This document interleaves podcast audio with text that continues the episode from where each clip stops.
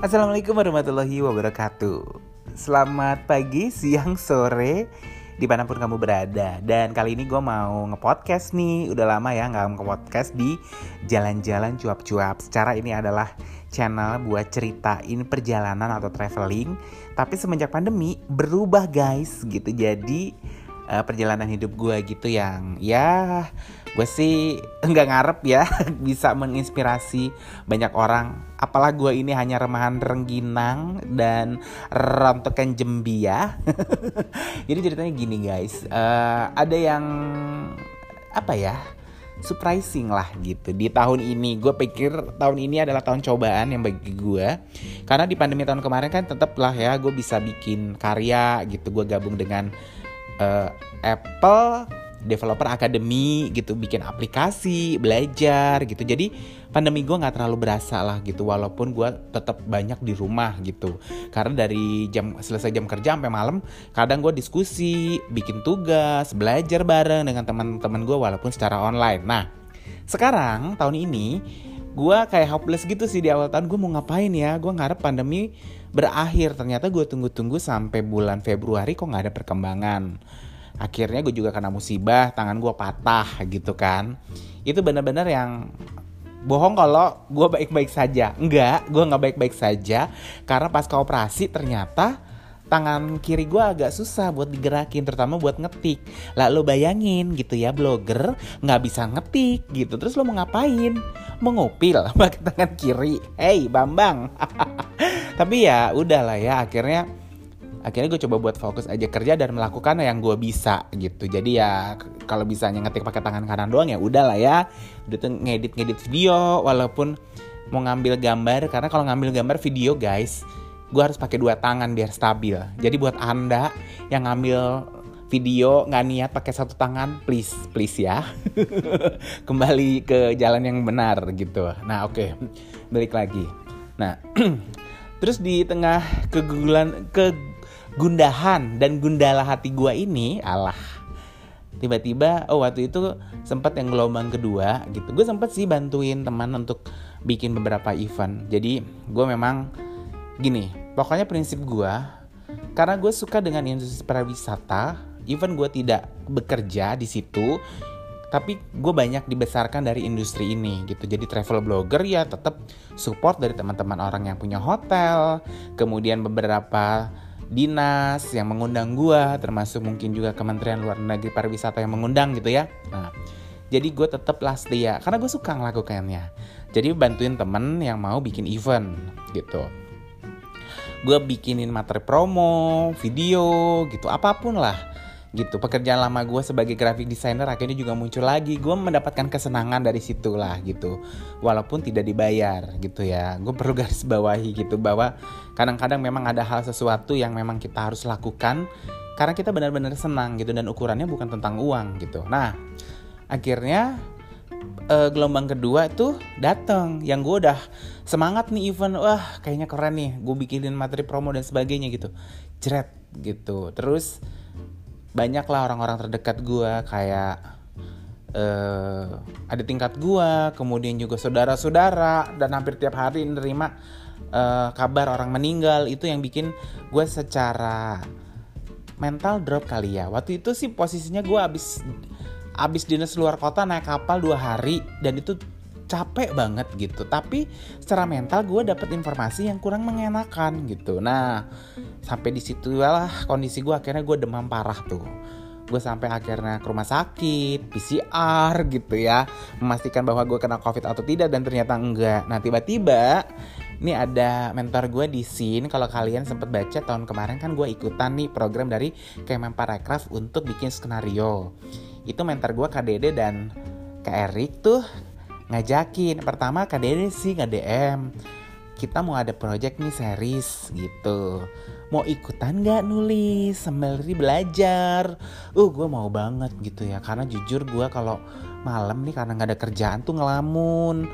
Udah pokoknya pikiran udah melayang. Gimana kalau ini kejadian dengan orang tua? Oh iya kebetulan teman kerja gue tuh uh, kehilangan orang tuanya gitu. Dua-duanya dalam jangka waktu hitungan hari aja gitu dan dia nggak bisa pulang karena uh, pandemi gelombang tinggi ya gelombang pandeminya tinggi gitu.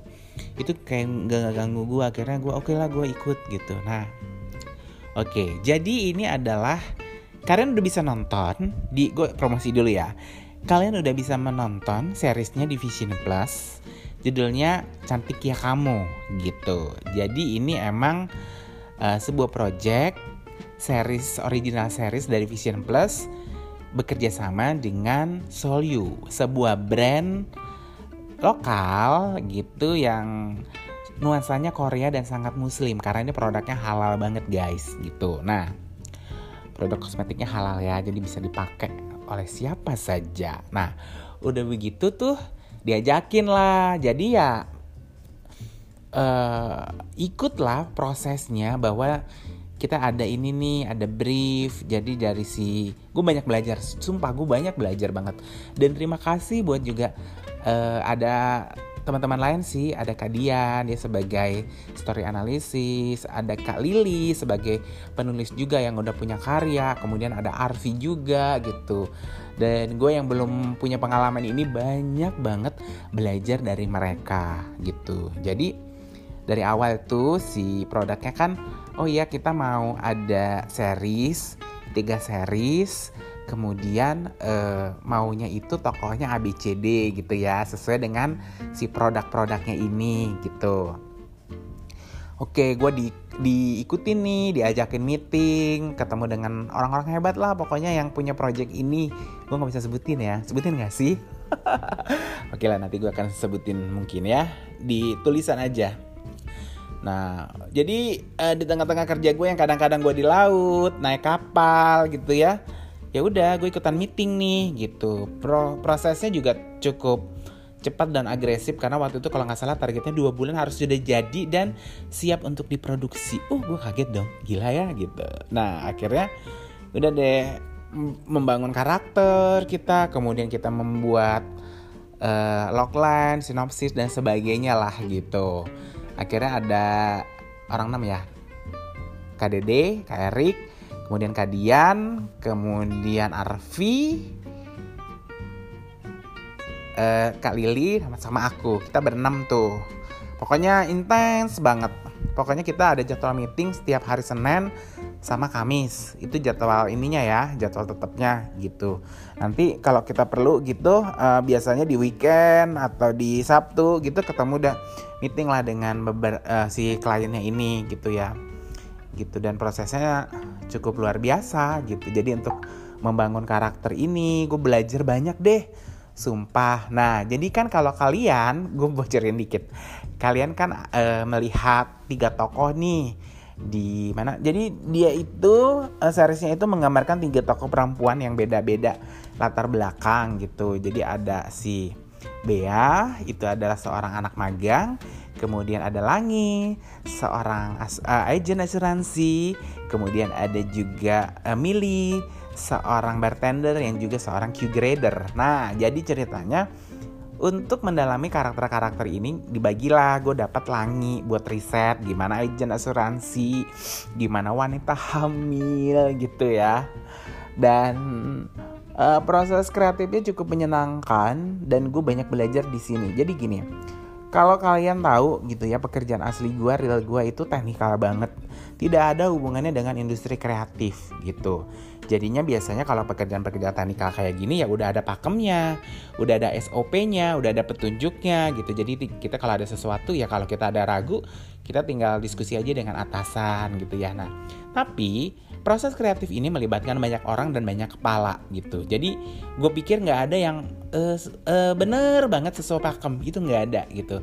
Itu baliknya adalah bagaimana kita berada di tengah-tengah nih sesuatu proses yang kalau bilang win-win solution gitu. Nah, jadi gue banyak belajar uh, belajar berkolaborasi di sini gitu. Karena kita dengan walaupun uh, gue sebagai junior latar belakang kita tuh beda-beda gitu. Jadi dari latar belakang yang berbeda-beda ini pada akhirnya memunculkan suatu karya yang berwarna sih kalau gue gitu. Karena dengan melalui proses kreatif dan diskusi. Jujur di tempat gue tempat kerja gue gue nggak dapet ruang seperti ini. Makanya ketika mendapatkan ruang bekerja seperti gini I love it gitu. Gue suka banget gitu ya. Gue bukannya ini dengan lingkungan kerja gue sih tapi memang memang nggak ada yang begini gitu oke proses.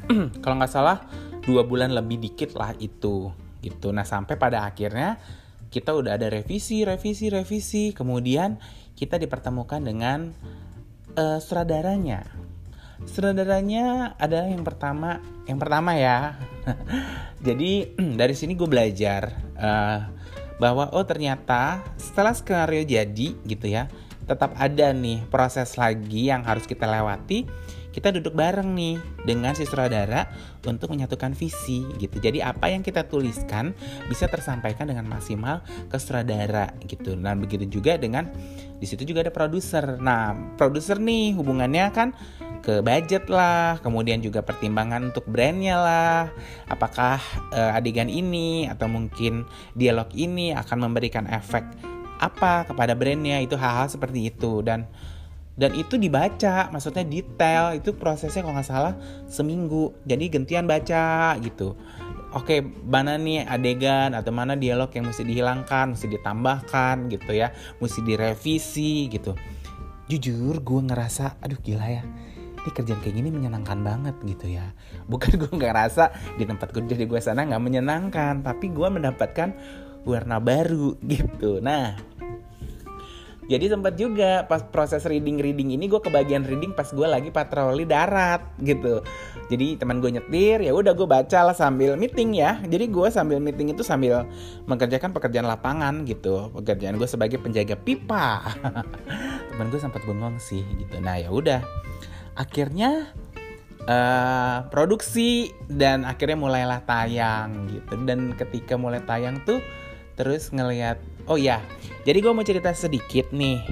Jadi anak-anak sin yang anak-anak sini uh, program uh, workshop untuk pembuatan skenario film OTT itu kita tuh tergabung dalam uh, satu komunitas namanya Script Laboratory. Nah, tujuannya ini adalah untuk kayak gini. Ketika gue punya karya nih uh, ada yang ngebantuin gue untuk masalah nego, untuk masalah legal, untuk masalah negosiasi dengan pihak mana pun ya. Karena jujur aja kita sebagai penulis baru gitu apalagi gue lah. Gue bukan penulis lah. Gue itu hanya orang awam yang kebetulan hoki ikutan workshop kecebur dan pada akhirnya gue mencintai gitu ya. Nah itu sebenarnya. Nah kita kan minim nih untuk industri ini. Nah mereka itu akan membantu kita gitu. Nah jadi lewat script laboratory inilah uh, eh, gue diajakin lah gitu sama Kak Dede dan Kak Erik gitu sih ceritanya gitu. Balik lagi proses kreatif. Nah jadi untuk kamu nih pokoknya ya kalau aku bilang ya anak-anak daerah lo kalian tuh harus ikutan yang namanya program sin ini keren banget loh gitu jadi semua orang tuh bisa kok sebenarnya untuk menulis gitu. Semua orang itu pasti punya imajinasi, punya ide kreatif. Tapi terkadang kita tidak punya kemampuan untuk bagaimana ini menyampaikan ke orang lain gitu. Karena kan untuk ide kreatif film tuh gini. Oke sih, uh, lo punya skenario bagus gitu ya. Lo punya skrip bagus tapi bagaimana lo jualnya? Lo punya network terutama anak-anak daerah nih kayak gue gitu. Atau mungkin bagaimana lo bisa menyampaikan kepada uh, pihak yang punya duit gitu. Nggak mungkin dong pak saya kasih skripnya tolong dibaca. Nggak bisa begitu bambang. Paling nggak anda harus presentasi 3 menit gimana caranya untuk bikin orang oh penasaran coba deh saya lihat. Nah hal-hal seperti itulah kesempatan-kesempatan itu yang kamu dapetin di scene gitu. Aku deh sekarang. Gitu guys. Nah yang aku menyenangkan juga adalah ternyata proses belajarnya tidak berhenti. Kita tetap ada kelas online seminggu sekali. Yang itu kayak gini loh.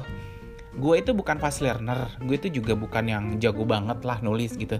Tapi dengan gue setiap minggu ikut kelasnya kayak di reminder oke okay, oke. Okay. jadi secara naruli secara insting tuh dapat oke okay, gitu. Karena menurut gue uh, ilmu yang begini nih itu itu bukan kayak ilmu eksata gitu. Kayak lo matematika gitu ya. Oke lo bisa ngitung. Ini enggak. Ini tuh ada satu cipta rasa dan karsa gitu. Bukan logika ya. Yang memang mesti lo asah gitu. Nah jadi melalui program ini melalui komunitas ini tuh kayak uh, secara lambat laun tuh skill gue terasah gitu. Jadi ketika gue lihat film tuh gue langsung tahu nih oh ini kira-kira logline seperti ini. Oh kira-kira nih ini seperti ini karakternya kalau di di breakdown nih jadi ini nih begini begini begini gitu. Nah jadi ketika kita mau bikin sesuatu tuh gampang. Dan itu juga nanti kan akan jadi brief pitch ya lebih enak tuh buat jualannya gitu. Oke balik lagi. Ke cantik ya kamu.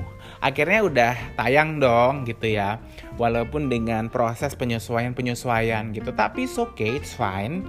Uh, gue suka aja gitu dan gue pikir ya memang seperti itulah industri di negara ini gitu ya gitu. Dan prosesnya juga berkelanjutan. Semoga ini juga kayak memberikan apa ya memberikan semangat juga bagi teman-teman yang lain gitu yang mungkin punya ide tapi belum punya kesempatan gitu. Bahwa ya nikmatin aja prosesnya lah gitu kalau gue gitu sih. Karena jujur sih untuk ide cerita film gue yang di scene itu belum bisa diproduksi. Karena memang ada beberapa adegan yang ada di luar negeri dan kayaknya nggak ada produser yang mau deh gitu. Atau mungkin disesuaikan bisa lah ya.